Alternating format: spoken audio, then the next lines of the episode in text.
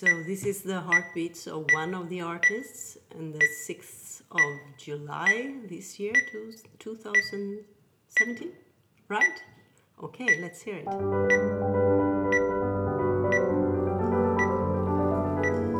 Hej! Det här är Konst i Blekinge-podden och jag heter Ola Hallqvist. Idag ska vi ta oss tillbaka till hösten 2017 och konstnärsresidenset är Blekinge Baltic One. Då gästade ett gäng konstnärer från våra grannländer Blekinge under några veckor. Två av dessa var duon Varvara och Mar. Susanne Skog träffade paret i samband med deras besök i november. Det här poddavsnittet är i två delar. Först en presentation på svenska och sedan om sådär åtta minuter en längre intervju på engelska.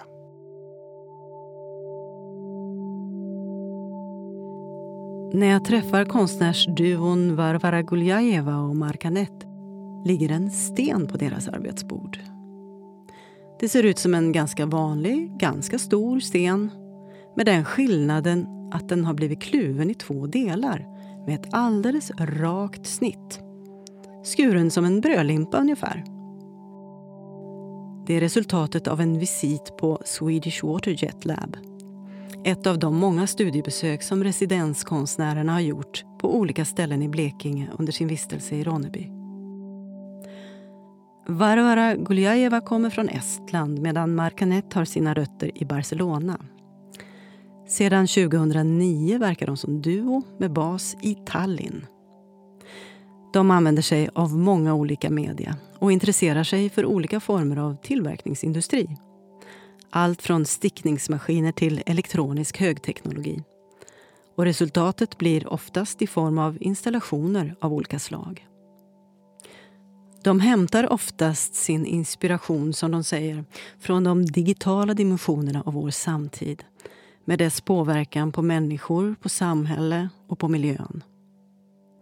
Vid sidan av mer konkreta material använder de ofta digital kod och teknologin i sig som arbetsmaterial och bygger själva all elektronik från grunden. Idén bakom den kluvna stenen hänger ihop med en annan exkursion i Blekinge till en ö där det tillverkades ammunition ända fram till 1970-talet. Konstnärsduon har tankar på att försöka se om det skulle kunna gå att visa en exploderande sten. Alltså en gestaltning av stenen frusen i själva explosionsögonblicket. Något som i sin tur förutsätter ett sätt att klyva en sten. Det är bara en av de idéer som har aktualiserats under deras vistelse i Ronneby. Vattnet, kraften i vattnet och vad de talar om med begreppet kaskader, det har de tänkt på länge. Såväl i form av vattenkaskader som i överförd bemärkelse. De störtfloder av digital information som idag sköljer genom tillvaron. Varvara säger att det är naivt att hävda att internet är en allmän plats, a public space. Det är det inte. Det är en privat plats. Våra data ägs av någon. De manipuleras, säljs, kontrolleras, övervakas och så vidare. Så, säger Varvara, vi tänkte att om nu andra gör det, varför skulle inte också vi kunna göra detsamma själva? Den tanken har bland annat tagit sig uttryck i verket Datashop. Det är ett projekt som har pågått under några år och som fortsätter att växa. Det går ut på att konstnärerna samlar in olika typer av data som kartlägger och registrerar dem själva. För närvarande har de samlat in information från Google, Facebook, kreditkortstransaktioner, stegräknare och olika typer av data som myndigheterna har tillgång till om dem och om alla andra medborgare. Dessa data behandlar de sen som produkter. De förpackar dem i konservburkar som de säljer i sin datashop. Som datasallad, dataskinka, datasoppa och så vidare. Och burkarna är verkligen till salu. Försedda med en detaljerad innehållsförteckning en bruksanvisning och en text som berättar om att värdet som konstverk förstörs om man öppnar burken. Å andra sidan får man ju då tillgång till datainnehållet. Man bör därför betänka Vilket av dessa som utgör det största värdet för den som äger burken? Under de senaste åren har de också använt sig av metronomer i några av sina verk. Det handlar om sinsemellan identiskt likadana metronomer som konstnärerna har skrivit ut med hjälp av 3D-skrivare. Deras tickande styrs av insamlade och bearbetade data som sammanställts av Varvara Guljajeva och Markanet genom olika komplicerade processer till en rytm som visas av metronomernas tickande. Dessa metronomer som instrument har följt konstnärsduon länge i flera verk med lite olika fokus. I verket The Rhythm of City använder de sig av tio metronomer som var och en är kopplad till data från varsin stad runt om i världen. Stora städer och små. Dessa data är inhämtade från källor som Youtube, Twitter, Instagram. Tempot skiftar i takt med att stadens samlade aktivitet går i vågor. Rytmen i de stora städerna kännetecknas ofta av en hög och jämn rytm medan de mindre ofta har betydligt lägre tempo, om nätterna till exempel. Man ser när de vaknar, när folk börjar plocka upp sina telefoner och slå upp sina laptops. Här, säger Varvara, här kommer vi in på begreppet big data. Alla vet vi ju att vi är övervakade. Och de flesta säger So what? Varför skulle någon vara intresserad av min sökhistoria på internet till exempel? Men det är mängden av data från alla användare tillsammans som ger så mycket information om beteenden, preferenser och annat. Och sånt är säljbart. Det senaste metronomverket heter Rhythm of Heart och där används bara två metronomer. Det som visas då är konstnärernas egna tempi sammanställda av data från hjärtfrekvens. De senaste fyra månaderna är hittills registrerade och mätandet pågår fortlöpande. Det blir ett arkiv av hjärtslag. Och med hjälp av en liten kontrollpanel och en vridknapp kan man röra sig fram och tillbaka i materialet för att höra hjärtslagsfrekvensen vid vilken tidpunkt som helst under mätperioden.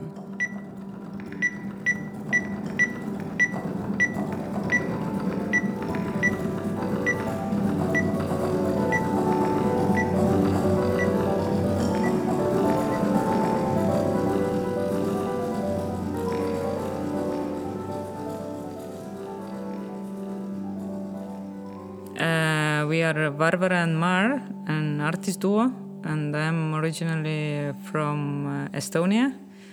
And I am Mar, uh, and I am from Barcelona, but I live also in, in Tallinn.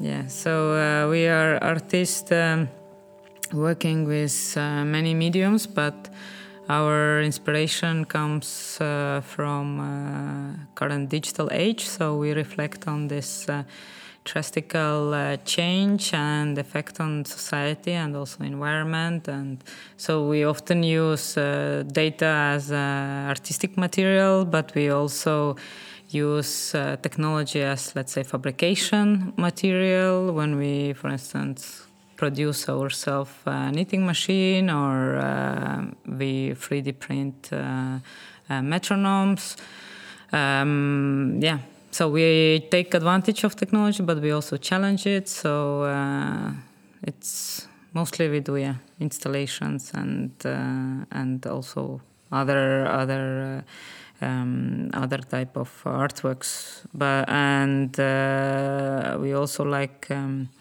to put emphasis on education, so we share our knowledge in uh, in format of workshops in our studio and sometimes when we get invited to universities or museums and yeah. And you normally work together? Yes we, we work as an artist duo since 2009 you said that you uh, one of your approaches is that you challenge technology. Mm -hmm. how do you do that? What do you mean by mm-hmm. that? Yeah we we both has a background in technology and art um, like Varvara star, started studying informatics first, and then she studied art later. Uh, I, I started studying uh, design, then um, well, art and design, and then uh, I did uh, computer science later, and I did uh, I studied in art again later, master. Means we have a background that uh, we can play with technology, knowing them the technology. Means we we work in the materials of uh, code and electronics and use the technology as a material in art and creating the technology that you build from the scratch, let's say, yeah. just using code and electronics. Well, to give you an example, for for for instance, if um, information or the data, I think it's uh, it's purely a digital thing, like zeros and ones. Uh, then actually they can also affect the physical matter. So, for instance, the rhythm of city, one of our works, we have um, physical 10 metronomes which re- correspond uh, to uh, each of them to a selected city and they are ticking in real time uh, in the pace of uh, a city the score is composed by digital inhabitants and how we do it we are taking in real time geolocated social data from flickr twitter uh, YouTube, uh, Foursquare, and Instagram. And all this, like in every minute, uh, we are retrieving the data and composing the rhythm and making uh, the controlling the metronome that they tick in correspondent uh, rhythm, for instance. Uh, then from other sides, uh, to give another maybe example, it's it's not only challenging the technology but also the whole the the digital society or how let's say our um, connected world works uh, uh, based on actually the the ruling of uh, big uh, corporations because I think it's a bit naive to think that uh, internet is public space. It's not. The internet is private, and uh, our our data belongs to someone. It is it is sold. It is manipulated, controlled, surveilled, and so on. So uh, we we started to think at some point like um, that well if if uh, so many parties are doing uh, money from our data from our activity on internet and so on so why why we shouldn't be able to do this? So um, we have one project which is constantly growing. It's called data shop. Uh, we are collecting our own data. So at the moment we have data from uh, google uh, facebook um, from credit cards, our credit cards. Everything is personal one, and also we are doing now the Fitbit one and uh, the governmental data what the Estonian government has from us, and uh, all these kind of different uh, data sources we treat as products. So we uh, put it in the storage device and uh, we canned it in a can. So we have different products as data soup and data salad and data spam and data beans. And so, yeah, we opened our own shop with our uh, data cans. And uh, of course, if someone wants to purchase it, then the problematics is like, um, okay, if you open it, uh, we say that you destroy the artwork. And there is a question is like, what has the more value, our data or the artwork? Mm. This uh, back to this uh, metronome mm -hmm. project that you yeah. told me about first. Um, I understand that it is a real complicated process of gathering uh, what decides how the pace of different cities mm -hmm. is um, created by you. Um, but which cities do you use and what difference can yeah. you hear? The, the cities, uh, we always choose different cities in each exhibition. We normally um, have always the city that uh, we are showing the piece, and then we try to find other closer city of the city we are showing and then we compose in different cities that we like like we have some cities that tend to always be there i mean maybe new york and and tokyo and um, i don't know barcelona. big barcelona because well i am from there and also it's, it's, a city that resonates quite a lot all the time but i mean like um, different sides of city behave a little bit different the big cities that normally we always explain that it tend to change less during the 24 hours than the small cities. Uh, the small cities you can see when they wake up and you can see when they, they sleep and big cities is just more constant flow of data in, in the 24 hours. Like they never sleep sometimes. Uh, so you see yeah, really the pace of the city, the fluctuation and uh, the rhythm of uh, culture. How uh, how people when they wake up, when they start, when they open their phones, laptops, when when they go to sleep. So it's really like uh, work mirrors the life. Mm. Now this kind of private data is owned by these companies. Like they have this, they could check even in in New York, people sleep less than than in in Ronneby. Uh, this kind of um, form or this kind of instrument has been following us uh, through our practice. And the recent one um, is called the Rhythm of Heart, where uh, since we told already you that we are collecting our own data, so we are collecting uh, also our heartbeat.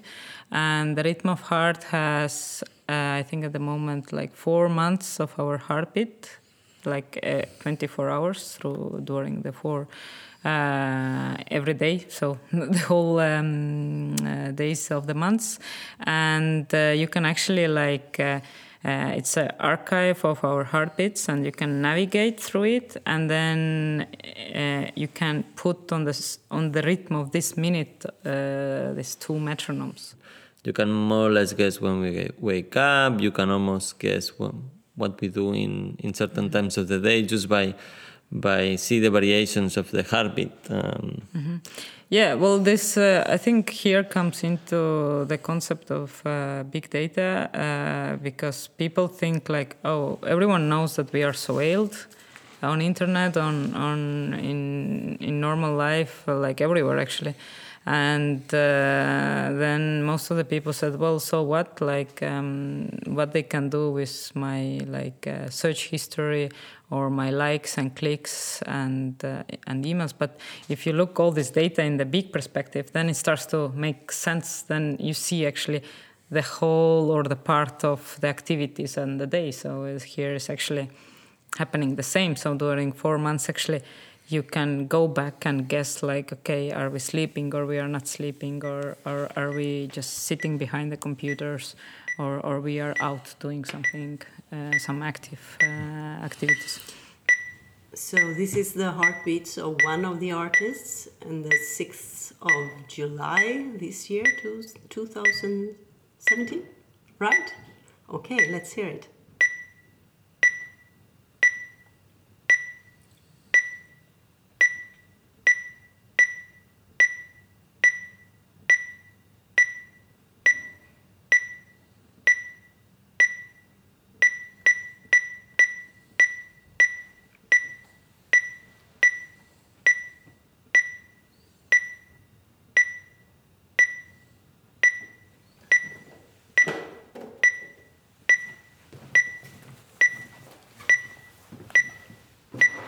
I had been navigating into the time, and now already are in the 8th of July.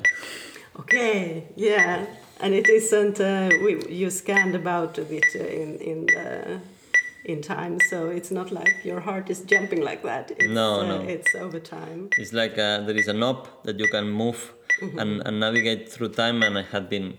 Uh, scrolling uh, during the day of the 7 and, and, and I finished in the 8.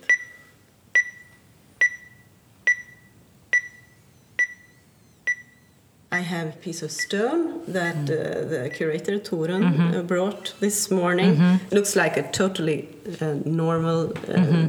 stone, like any stone that you yeah. can find anywhere, and it has been cut, and it's a real uh, smooth black mm. uh, surface here. What has happened to this stone?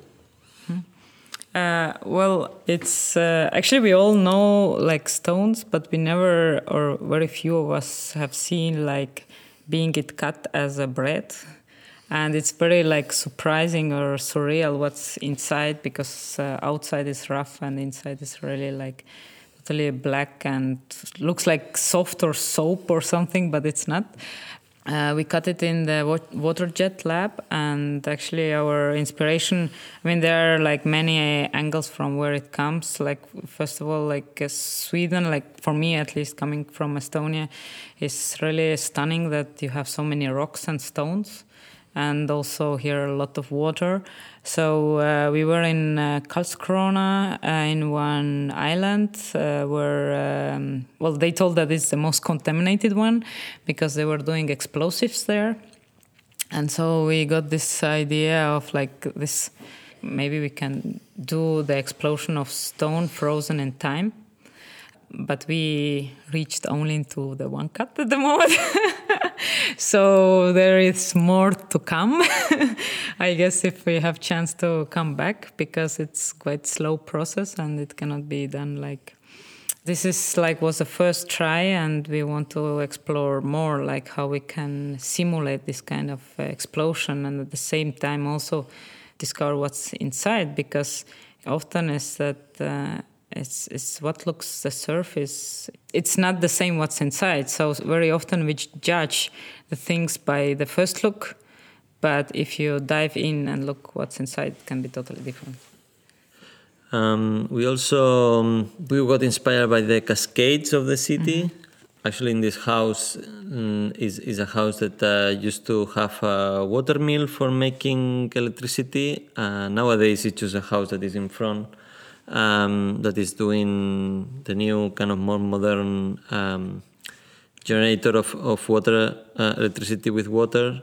Uh, but there is a, a cascade that uh, actually there is several in, in, in Ronneby, and we, we inspire with this idea of the cascade that actually is an idea that we had been thinking and doing mm. things uh, we still didn't finish. has finish. been following us yeah. as idea. So um, here we were uh, um, exploring how to do a digital cascade, like uh, on on the digital image, with uh, simple uh, geometrical uh, objects. I mean, this is kind of idea, but uh, we also looking like where it could fit. Of course, it could be very nice in the screen sculpturally put in museum space or gallery space, but I think it will be nice to also see um, in Ronneby, in let's say, uh, for instance, in this uh, local authority building, which is surrounded actually by, uh, by a kind of a water or water pool. It's very stunning building, but at night it's totally well, partly dark. We are also looking at uh, how how we can change the place I think it will be uh, very good for the um, local uh, people who are living here to also have uh, this kind of uh, art which brings their more uh, motion and uh, interesting kind of point of view in, in their um, urban life, like in their streets and, and sites. And, and for us, the cascade is actually um, it's like also a metaphor of the falling of information that we have all the time now that is overwhelming us and these kind of things means is is kind of representing kind of the water falling was kind of the is an icon of also the the water is the life because we need water and it's falling and it's beautiful and everyone is and then now we have uh, these um, waterfalls of information that um, that we, we can see a lot of times in when it's happening something in the news, but I mean that is a lot of information falling to us. It's metaphor with the waterfall, but uh, talking also about the digital age of the uh, cascade of information that we, we are living. And uh, also in in Karlskrona, ah, yeah. there is one one place that we got really inspired to do something there. It's it's just the enter to the. Um, they said the second city of Karlskrona, the tunnels um, yeah, down below, the, the, city, below yeah. the city, and there is one particular place where actually is the entry of the rails of the um, train to this kind of uh, yeah. uh, under city, and it's very interesting because it's really deep, uh, like something like six or seven meter deep down that looks like actually there should be a river down, but it's not a river. It's just like the, it's, the just man-made uh, canal, or, canal or something to enter into the second level of the city, and we were thinking some some ideas of. Uh, light installation. Yeah, there could be very uh, amazing uh, installations done, like uh, in either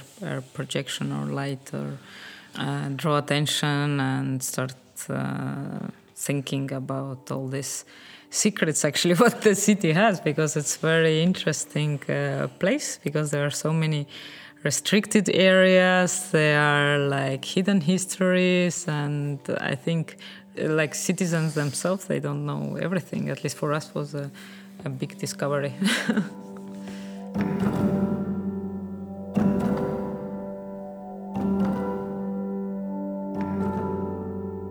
Konst i Blekinge-poddens producent Susanne Skog hade träffat konstnärsduon Varvara Omar under deras besök i länet. Detta var under residenset Air Blekinge Baltic One hösten 2017. Fler spännande poddavsnitt och mycket annat hittar du som är intresserad av konst och arkitektur på konstiblekinge.se. Det var allt för idag. Vi är snart tillbaka med nya avsnitt av Konst i Blekinge-podden.